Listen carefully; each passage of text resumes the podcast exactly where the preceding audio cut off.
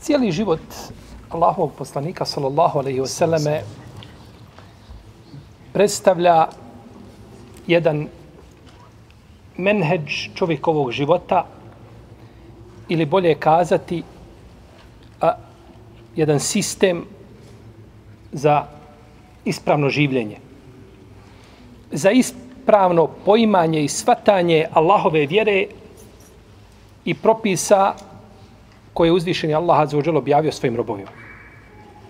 Stoga ne možemo bolje i potpunije razumjeti din islam osim na način kako ga je pretočio Allahov poslanik u svoj život. I svi njegovi postupci koje je činio su sastavni dio izgradnje ovog jednog menheđa. Ali postupak koji posebno biva upečatljiv ili ostavlja traga na, na, na ljude jeste a, ili bolje kazati jedan interesantan potez koga je povukao poslanik sa osrama, tako možemo kazati nakon dolaska u Medinu, jeste što je izgradio džamiju i povratio muhađire ensarije. Kada bi sastali se i ljudi i džini da pokušaju iznaći a, nekakav novi prioritet koji je u to vrijeme trebalo učiniti, ne bi mogli.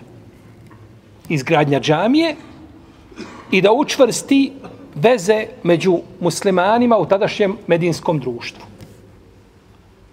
I na takvim temeljima džamija popravlja odnos ljudi sa njihovim gospodarom, a to bratimljenje je znači popravljanje odnosa među ljudima unutar društva i na takvom jednom temelju, na takvim osnovama je Allahov poslanik sa osam gradio dalje medinsko društvo koje je dalo nakon toga plodove za a, deset godina da je raširio pravdu i da je postao simbol pravde Allahov poslanik sa njegovi ashabi i društvo medinsko u to vrijeme i država koju su imali. I sve dok muslimani a, na takav način ne pristupe svatanju i poimanju dini islama, neće nikada rezultati biti onakvi kakvi bi trebali da budu. Ne kažemo da nema rezultata. Sam bereket u dini islamu, u Kur'anu, u sunnetu i tako dalje, bereket po sebi. Međutim, neće se doći do ciljanog i željenog rezultata. Stoga je, jer Stoga je dužnost ljudi da vode brigu kako o svome odnosu prema svome gospodaru, tako i o međusobnom odnosu unutar društva. I da čovjeka u društvu doživljavaš da je tvoj brat, musliman, mu'min, kaže la ilaha illallah, Muhammedur Rasulullah, on je tvoj brat. Po, po vezi koja je čvršća od same krvne veze.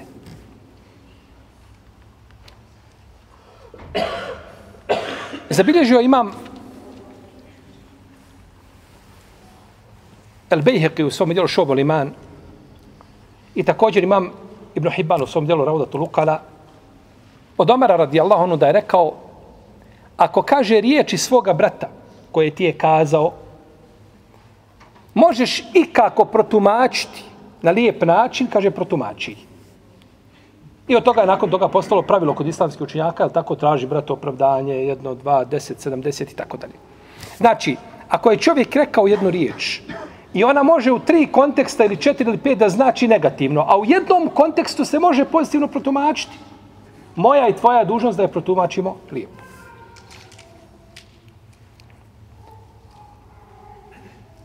Šehol Islam Ibn Kajim kaže u svome dijelu Medariđi Salikin. U trećem tomu. Kaže, dva čovjeka kažu istu riječ. Jedan od njih želi tom riječu čisti batil, a drugi želi čisti hak istinu. Znači, dvojica ljudi kazali istu riječ, po jednom, ako smijemo kazati, kuke i motike, po drugom ništa. Pa dobro, šehol Islam, sad nam je baš nejasno, stavilo sam se jednu dilemu veliku, kako sad da znamo mi, jedan kaže ovo, jedan kaže ovo, po kome ćemo kuke i motike, a po kome ćemo, koga ćemo pohvaliti.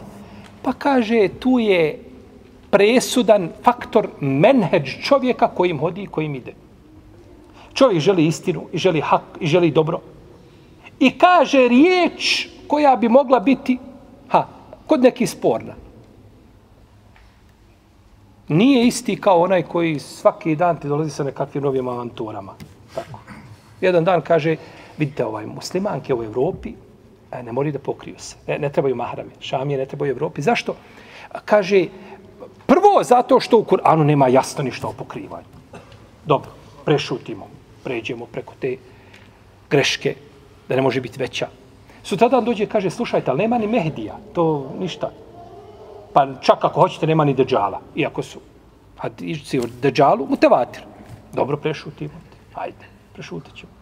Preko sutra dođeš opet sa nekakvom novom izjavom koja, koja je, znači, suprotna i Kur'anu i sunnetu i da ne kažemo konsensu islamske učenjaka. Nije isti ova i ova. Oni se razlikuju u veliko. Razlika je velika. Pa Ibnul Kajim nama pojasnio kako da znamo, kaže, ako čovjek ide džadom pravom, pa se nešto desi na tom putu od grešaka, to nije sporno, nije problematično, greška se popravi i ide se dalje. Greška se popravi, vi znate da je, mi smo spomenuli ovdje prilike da je Ibn Hibban rekao, kaže, en nubuvetu el ilmu wal amel. Kaže, poslanstvo je radi dijelo. Kaže, imam zehebi, kaže, ovaj izraz koriste mu'mini i kaže, koriste ga i oni koji su se poselamili sa svojim islamom, zindici, koji su izašli van okvira islama. Jedni kažu, poslanstvo je radi dijelo, Znači, poslanik je najpreći da zna i mora znati i poslanik je najpreći da radi i mora raditi po tom znanju. Je li to pogrešno ili ispravno? Ha? Ispravno, definitivno. Ali drugi kažu to poslanstvo je znanje i dijelo, znači da si ti učiš puno, svaki dan sjediš, čitaš, pamtiš, pamtiš i radiš, praktikuješ i ti postaneš jednog dana, ti ostaneš, a ti, ti poslanik. Nisi više mujo, ti poslanik. E, to je ciljanje njihovo. Ibn Hibban je rekao te riječi koje kažu i drugi koji su sporni. Je li isto od Ibn Hibana i drugi? Nije. Jedan je ciljao čisti hak, a drugi je ciljao batil tim riječima. Kaže imam Zehebi, kaže mi ne kažemo da Ibn Hibban kaže ovaj ne pogrešiv. Ali kaže Ibn Hibban je imam ummeta. Neće, nije Ibn Hibban, pa to, to početnici u zdanju neće kazati. Kamo li da kaže jedan velikan poput Ibn Hibana po pitanju poslanstva da čovjek može ne znam, nekakvim samostalnim vježbama, treninzima, znanja i rada da postane šta? Šta onda znači riječ uzvišenog Allaha, Allahu, alemu, hajse, ađalu, risaleta? Allah najbolje zna kome će povjeriti svoje poslanstvo. Allah ga povjerava kome želi. On ih odabere te ljude i povjeri mu to poslanstvo. A ne ti sam nešto preko noći možeš postati nekako poslanik. Pa je razlika u tome kojim čovjek putem hodi u menheđu njegovom. Kaže šeho Islam Ibn Taymi u svojim fetvama u 27. tom, kaže muftija koji puno izdaje fetve, koji govori, koji priča, kaže da ima, kaže, stotinu grešaka, kaže, to ništa nije. Kaže, to nije mahana. Znate šta je stotinu grešaka? Stotinu grešaka se sakupio jedan ovako, može se ovako, dva ova, možda ovako, toma se mogu napraviti odgovore njemu, je tako? Greška jedna, pa i mišljenje islamskih učenjaka, pa gdje se pogriješio, pa argumenti, dokazi protiv toga, pa šta ta greška prouzrokuje? Možemo odgovoriti, znači mufti na dva toma, kaže Ibn Taymije, kaže to nije, on kaže za stotinu grešaka, kaže Ibn Taymije, kaže to nije mahana. Nije mahana. Zato što je čovjek po prirodi sklon da pogriješi. Čak je rekao še Muhammed jedne prilike, u kako stoji u dijelu Tariho Neđd. Kad je ne, odgovarao nekim svojim neistomišljenicima, kaže, nemojte me, kaže, koriti zbog jedne greške koju sam napravio. Niti zbog stotinu, niti zbog dvijesto. Ja kaže, nisam rekao da sam ne pogrešio. Imam dvijesto greški, imam dvijesto greški. Šta je, šta je problem? U dvijesto greški imam dvadeset hiljada ispravnih stvari koje sam kazao. Koliko je procentualno grešaka? Hm? 200 od 20.000. Koliko je to posto? 1%. 1% grešaka imam a 99% čega? Pogodak. I to se istopi. To se istopi. Nestane. Pa je osnova u čemu? U menheđu. Koji čovjek menheđ slijedi? Ja idem menheđom, ja, mislim, govorim o XY čovjeku.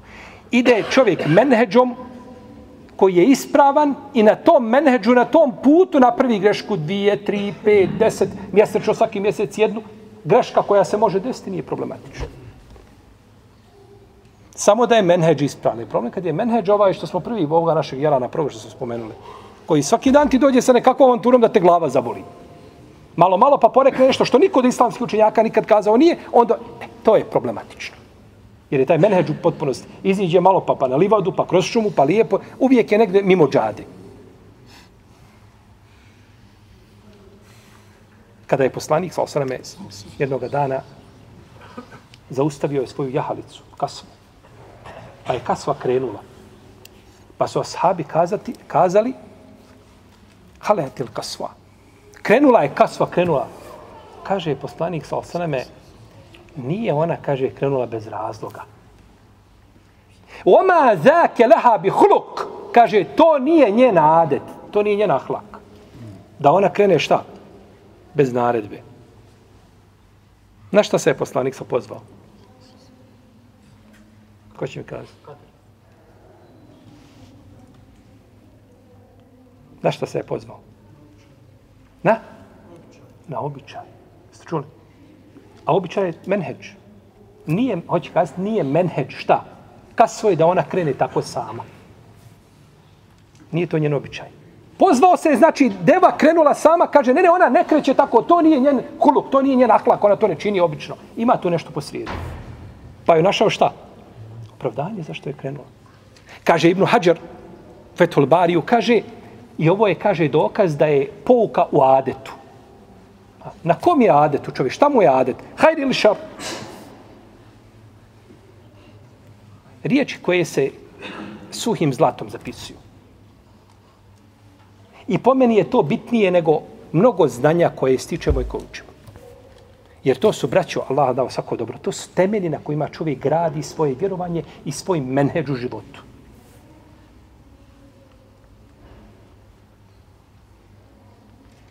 Kaže, imam Zehebi u svome djelu Sir u 14. tomu kada je govorio o Katadinu Djamije Sedusiju. Učenik Anasa ibn Malika. Kaže Katade, vi ste čuli si za Katadu. Kaže, u okeane jeral kadar. I imao je, bio je, ja je bio kaderija, imao kaderijski šubhi. Braćo, kaderije bez razilaženja nisu ehlu sunnet. To je zabludila sekta. Koji imao tezile, koji haridžije, koji ostali. Vid, kaže, on je smatrao, eto, da kažemo, da idemo blažom tom linijom, imao je nekakvi kaderijski šubhi, kaderi, kaderijski mišljenja pri sebi. Kaže, walakin, ma te wakafe ehadun fi sidqihi, wala fi adaletihi, wala fi, fi, fi hivdihi. Kaže, međutim, niko, kaže od učenjaka, nije se dvoumio kad je u pitanju njegova iskrenost i kaže kada je u pitanju njegova, uh, njegova, njegova vjera, a dalet je stvar koja se tiče vjere, i kaže kada je u pitanju njegovo pamćenje. Kaže, naprotiv, kaže čovjek kada ima, kaže, puno grešaka, gleda se, kaže, kada ima grešaka, kaže, gleda se, kaže, osnova njegovog menheđa, na kom je menheđu. Zamislite vi danas daju XY pogriješi u jednom akaidskom pitanju da bere mišljenje kaderija. I mi to stavimo u naše grupe. Da, je on, da ima kaderijsko mišljenje. Šta bi bilo tog daje? Znači, na, u grupi mu dženazu klanjamo, u grupi ga sahranimo, i nakon što smo ga sahranili, nećemo tu ostaviti stvar da završi, nego ćemo mu igrati po kaburu da zapamtiš kako on to mogo pogriješiti. Zehebi nije tako govorio. Ima ummeta za koga kažu kada bi ustajali jedan po jedan iz Bekije, da bi po policima znao prepoznati ko je ko. Iako je živio posle možda 500-600 godina. Tako je poznao učenjaka i menheđu učenjaka. Nije tako gledao, nego kaže ovo što ste čuli od mene. Ne naprotiv. Kaže za imama Gazaliju, kad je govorio imamu Gazali, kaže Allah ti se smilo o imamu, rahimeke Allahu, Ja Eba Hamid, el imam. Kaže, Allah ti se smilao, kaže, oj Buhamide, imamu. Gazali govori. Kaže, ima li neko poput tebe po pitanju, kaže, znanja i po pitanju odlika? U 13. tomu to govori, imam zajedno. Kad je govorio mamu Gazali. Kaže, ima li, kaže, neko poput tebe po pitanju šta svoga znanja i po pitanju odlika. Kaže, ali ne kažemo, kaže da je bilo ko ne pogreši. Znate del da je razlika između imama Gazali i Zehebija po pitanju akide? 50 puta veća nego što je možda između mene i tebe. 50 puta veća. Da se razilaze u brojnim pitanjima. Šta kaže o njim imam Zehebi? Kaže min ezkija ila alem. Od najpametnijih ljudi koji su zemljom hodali. To je menheđ naše uleme. Tako nas ulema uči. Ako hoćemo menheđ uleme, tako nas ulema uči. A ako ne želimo menheđ uleme, e onda mi moramo jedan novi menheđ napraviti. A kakav će on biti, kakva je to avantura, ne znamo kako ćemo proći nakon toga. Bojim se da može ispast na, na hajed nikako.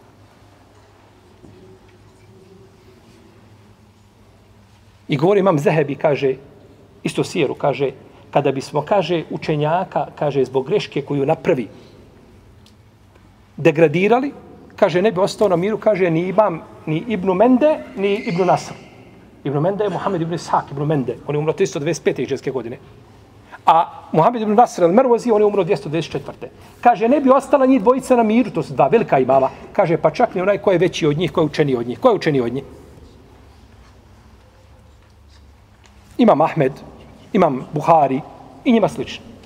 To su oni koji su učeni ovdje. Ne bi ni oni na miru ostali. Znači, ne bi ostao niko na miru. I, i, i uh, kako kaže imam Šaltivi u svom muafakat, kaže, nije dozvoljeno, kaže čovjeka, zbog greške koju napravi, osuditi, niti odbaciti. Jer od greške, braću, nije čist niko. Kao da je imam 5, 10, 15, 20 grešaka. Dobro, šta nakon toga? To je čovjek. To je čovjek. Je li imam šafija promijenio pola mezheba? Oko pola. Ima staro i novo mišljenje. Otvorite knjige, a šafijskog fika kaže po starom i po novom mišljenju. Pa se onda učenjaci podijele šafijski u vezi s tim. Kad imam šafija, kad je mijenjao mišljenje, je li mijenjao sa, sa neispravnog na ispravno ili obratno? Ne može mijenjati sa ispravnog na ispravno. Ne mogu biti dva mišljenja, oba dva ispravna. Mogu u nekim situacijama. Međutim, tu gdje je sporno, tu može biti jedno. Pa se imam šafija kada se vrati, znači promijenio je. Pa je prvi put rekao, ljudi, ja sam pogriješio, vratio se. Imam šafija. Kakvog dunjaluk nije vidio. Sunce takvog nije obasjalo. Ima Mahmed, ima po šest, po sedam mišljenja po jednom pitanju. Rivajeti. I ulema od uvijek tako postupala.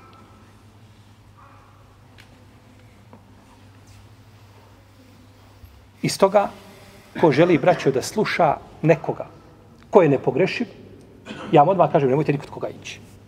Nema te halke na zemlji. Nakon smrti poslanika, sa osaname, da se može slušati kaže ova je nemoguće da napravi greš kad priča. To ne postoji.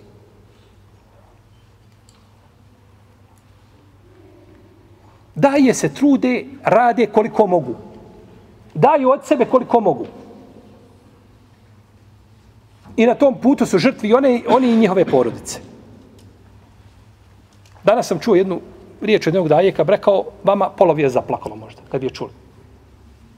I opet te daje iste koje sjede i odgajaju ljude, odgajaju našu braću i sestre i muslimane općenito, dožive uznemiravanja od tih daja, od tih ljudi, prosto od tih ljudi dožive uznemiravanja koja neće doživiti od, nažalost, izvinite na izrazu, ali od din dušmana.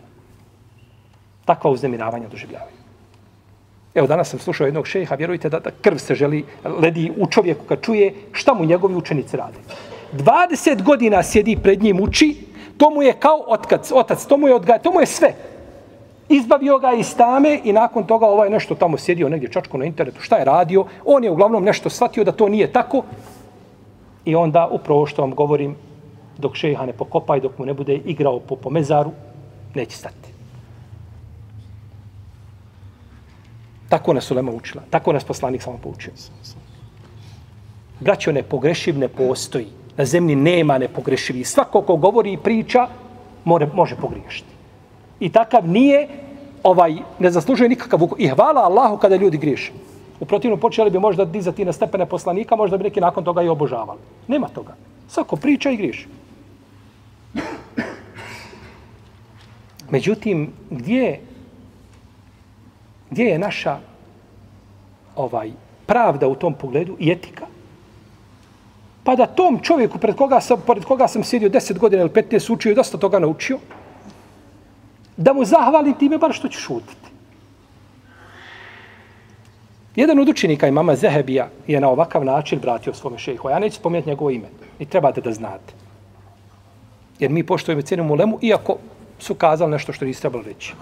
U jednom, u svome dijelu koji ima deset tomova, u drugom tomu, na 14. i 15. strani, kaže za imama Zehebija svoga učitelja. To mu je učitelj. Kaže ovako, da je znao, kaže, šta priča, ne bi mu, kaže, to izišlo iz usta. To se kaže za ludog insana, otprilike. Ne zna šta mu izlazi iz usta, to je otprilike čovjek koji, koji je poremećen umno. Potom kaže, nakon toga kaže, a ima li, kaže, veće strasti od ove koji je spomenuo. Šta je on spomenuo? Mazaj bi spomenuo jednog šafijskog učenjaka, je spomenuo da, da je bio nepouzdan. A ne spominje kako je pohvalio imama koga? Gazaliju, koji je šafijski, veliki šafijski pravnik. Od najvećih šafijskih pravnika. On i El Džuvejni i slični ti ranije šafijski, najveći pravnika šafijski. I nakon toga kaže da bi to sve zapečatio, da mu se Allah smiluje, da mu oprosti, kaže, ovaj, a ako je ova, situacija ovakva i ovakva, kaže, onda mu je, kaže, Allah zapečatio, kaže, njegovo srce, kaže, i jazer billahi ta'ala. Tako se vraća šejhu. Pred kim se sjedio i učio. Nema razilaz, slagao se, ne, od uvijek se ljudi razilaze. Ali tako se vraća šejhu na takav način. To Arapi kažu, džezao sinimar. Sinimar je bio čovjek koji je radio, pravio dvorce. Nagrada sinimara. Šta je bila nagrada sinimara? pozvao ga je ovaj vladar, kaže, gde mi kaže napravi dvorac jedan koga kaže niko nema. Pa je napravio dvorac, lijepo mu sazidao. Kada je ovaj vidio, kaže, lijepo. Hajmo, kaže, malo prošeta da me provedeš. Hajmo. Pa kaže se u predajama u tim pričama, kaže da imao jedan kamen koga treba samo izvući iz dvora će se srušiti. I samo ga on znao kao graditelj, drugi ga ne znaju. Pa je to rekao kralju, kaže, ima li, kaže, tako, ima, kaže, kaže, zna to neko mimo tebe, drugog? Kaže, ne zna, ja samo to znam. Pa ga je bacio s dvorca. Neki kažu, bacio ga je da, da, da ne bi napravio nekome sličan. Negdje se kaže, napravio je dvorac i rekao je kralju, kaže, da ste mi više platili. Kaže, napravio bi dvorac, kaže, da se okreće kao sunce.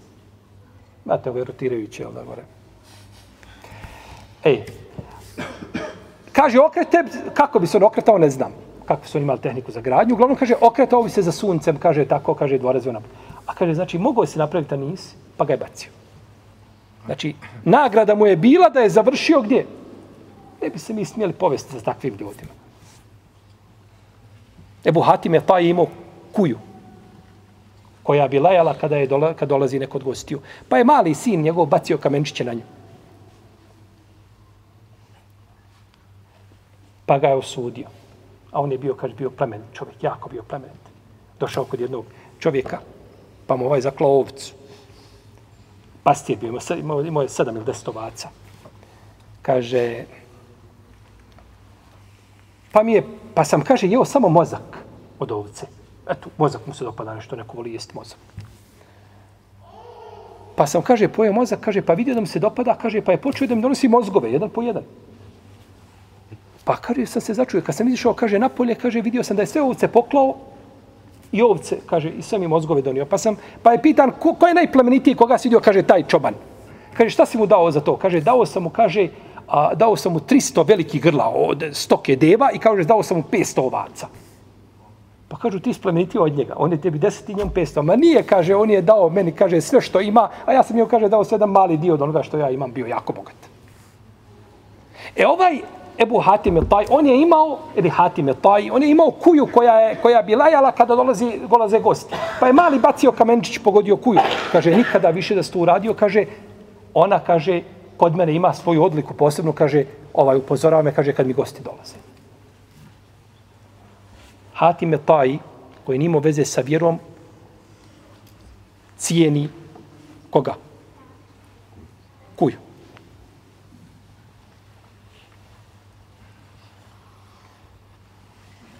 Ja sjećam uvijek jednog, ušao sam u jednu biblioteku,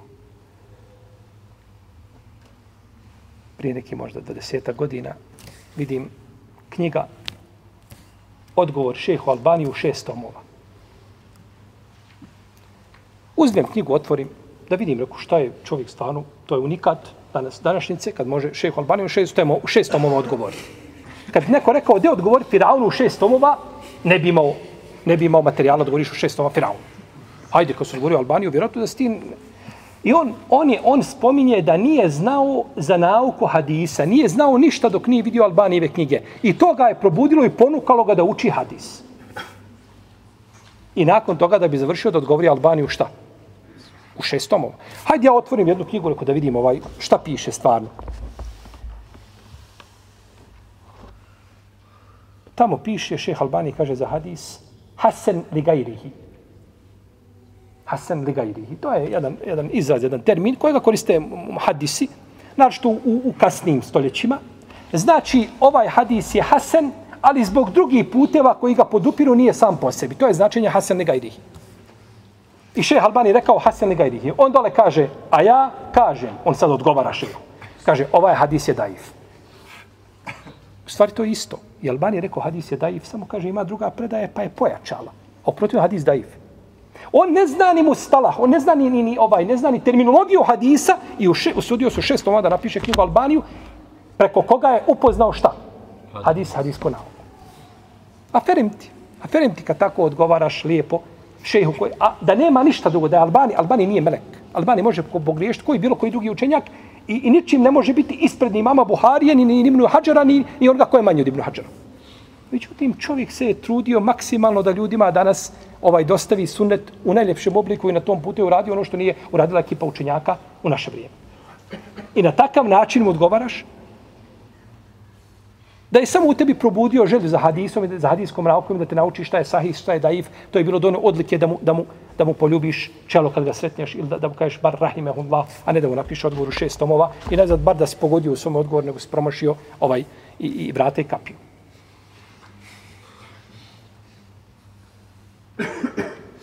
Stoga, braćo, mi moramo popravljati pri sebi mnoga razumijevanja i svatanja. Ako želimo slediti put učenjaka, on je jasan kod dan. Učenjaci su tu, kako su govorili, kako su pričali. Ako želimo da sledimo nešto mimo toga, onda je to, što kaže naš narod, jeli, drugi par cipela. Jer svako ko prigovori jednom daji, a, svako ko prigovori jednom daji, daj mi svoje knjige, daj mi svoje CD-eve, ne znam, snimi mi na YouTube tamo, one, one, one, na USB, one, one, one, svoje predavanje i daj mi. I daj mi 15 dana. Pa ćeš vidjeti kako se svašta može iskopati. Pih, belaja. Belaja, svakome braću. Ja Allah, ako kažemo da je mogao pogriješiti Šafija, i Ebu Hanife, i Malik, i imami kroz stoljeća, i sad se pojavi jedan daja, bez obzira ko da si, šta si. Ja ne mogu pogriješiti, mada to niko za sebe nije rekao, ili da se razumijemo. Ne, svako može pogriješiti. Pa mene što si prigovorio, istu takvu grešku imaš ili već od te. I to je priroda čovjeka. Čovjek ne može braću, pobjeći od toga. Greška je sastavni dio dave. Ali je razlika mi toga kad čovjek namjerno griješi i uvijek negdje, negdje vrti nešto da, da, da, da iskopa nekako čudno mišljenje koje niko a, nije čuo ili, ili nešto novo i čovjek koji hoda stazom kojom treba da ide. Razlika velika. I zato moj savjet je vama, kad se nađete po grupama gdje vidite da se blati daja, bez ura ko je daja, slagao sti sa im je slagao, imamo ovako, jednako, nema veze, ko je od daja, blati se, ima tamo onaj, da tako, izađeš iz grupe, za sva vremena iziđeš, izbrišeš, nikad se više ne vraćaš tu grupu. Nemoj da te neko vodi u džehennem. To je grupa kojom se ne želi Allahovo lice. Daje su tu. Šta god ko meni naso može doći pričati pred dajom. Šta god hoćete svakog ćemo primiti od vas ovakvo široki prsa sa sve jednom nejasnoćom koju imamo. Bujrom dođe, pa ćemo razgovarati. I ne moraš se složiti. Ničim te ne obavezujem da složiš sa mnom. Idi opet svojim, hoćeš nekakvo dugo mišljenje, Allah te poživio, molim Allah da da svaki hajr i na djelku i na hiretu. Ničim ne obavezujemo nikoga od muslimana jednim harfom što čuje od nas da to mora slijediti. Ti sled ono što zgovoru učenjaci, pravnici, velikani, imami, e, prvenstveno Kur'ani, sunneti, tabini, ashabi i tako dalje. Ali to po grupama da ljudi sebi dozvoljavaju ono što dozvoljavaju, to nije, to nije nikako dobro.